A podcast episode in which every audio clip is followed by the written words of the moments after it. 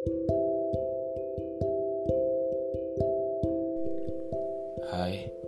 gue Diran. Selamat datang di Si Paling Bebek. Terima kasih sudah berkenan mendengarkan. Di episode kali ini, gue bakal ngomongin tentang rumah. Anyway, rumah di sini bukan berarti tempat kita tidur, mandi, atau mencuci. Tapi rumah di sini itu ya tempat kita untuk pulang setelah diberi cobaan oleh dunia yang serasa tak pernah redam. Sedikit cerita, malam ini gue dapat pesan dari ibu gue yang berisi tentang screenshot settingan adik gue dan temannya. Intinya, dalam percakapan tersebut, adik gue bilang dia minta maaf takutnya ada apa-apa nantinya. Kalian pasti tahu apa maksudnya. Ibu gue forward pesan yang dikirim teman adik gue itu ke gue dan dia ngirim VN sambil nangis dan bertanya sama gue. Dia bingung harus gimana. Jujur gue nggak tega dengar ibu gue nangis. Jadi ya gue juga jadi ikutan nangis habis ditulisan dan dengar VN ibu gue itu dari situ gue pikir memang benar dibesarkan dari keluarga yang gak lengkap dan di dalamnya terasa dingin itu terasa menyesakan. Keluarga yang seharusnya menjadi tempat pulang menjadi tempat untuk berkeluh kesah dan mengadu tentang kejamnya dunia.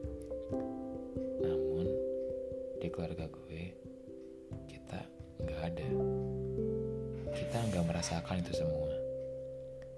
Semuanya terasa kosong, dingin, dan hampa.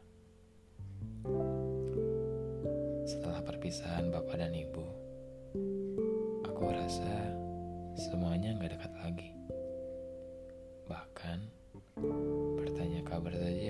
Sangat canggung rasanya. Mungkin karena tinggalnya beda rumah. Gue sama adik gue yang cowok tinggal sama nenek dan adik gue yang cewek dan kakak gue itu tinggal sama ibu di rumah yang dulu. Jadi kita nggak begitu dekat satu sama lain.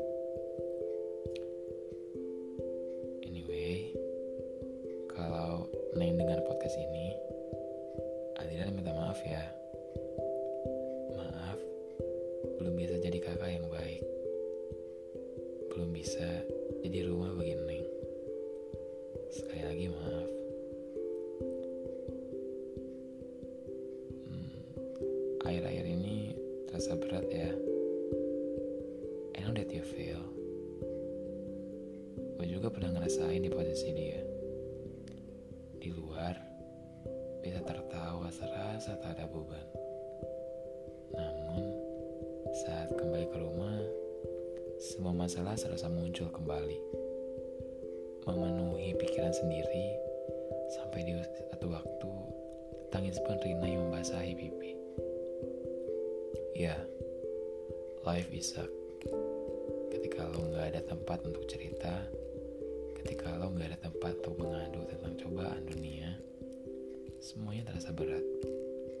Yang ada, lo hanya memikul masalah lo sendiri, memendamnya, dan berpura-pura tak ada kejadian yang menerpa. Namun, lama-kelamaan, jika dipendam secara terus-menerus, seperti balon yang diisi udara, semuanya akan meledak pada waktunya. Gue harap Neng dan kalian yang lagi dengerin podcast gue bisa terus kuat dan kebahagiaan selalu menyertai kalian. Amin.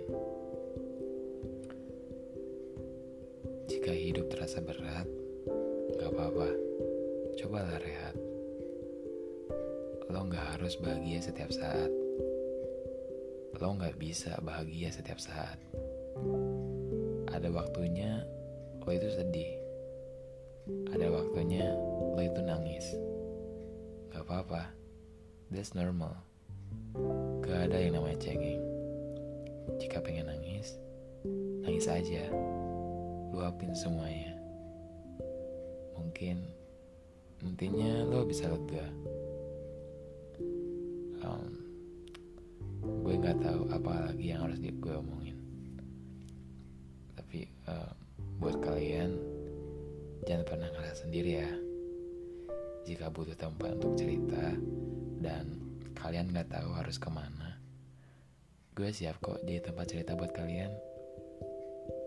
Jika ingin cerita, email aja ke diranjulfikri2002 at gmail.com Oke? Okay? Bagus.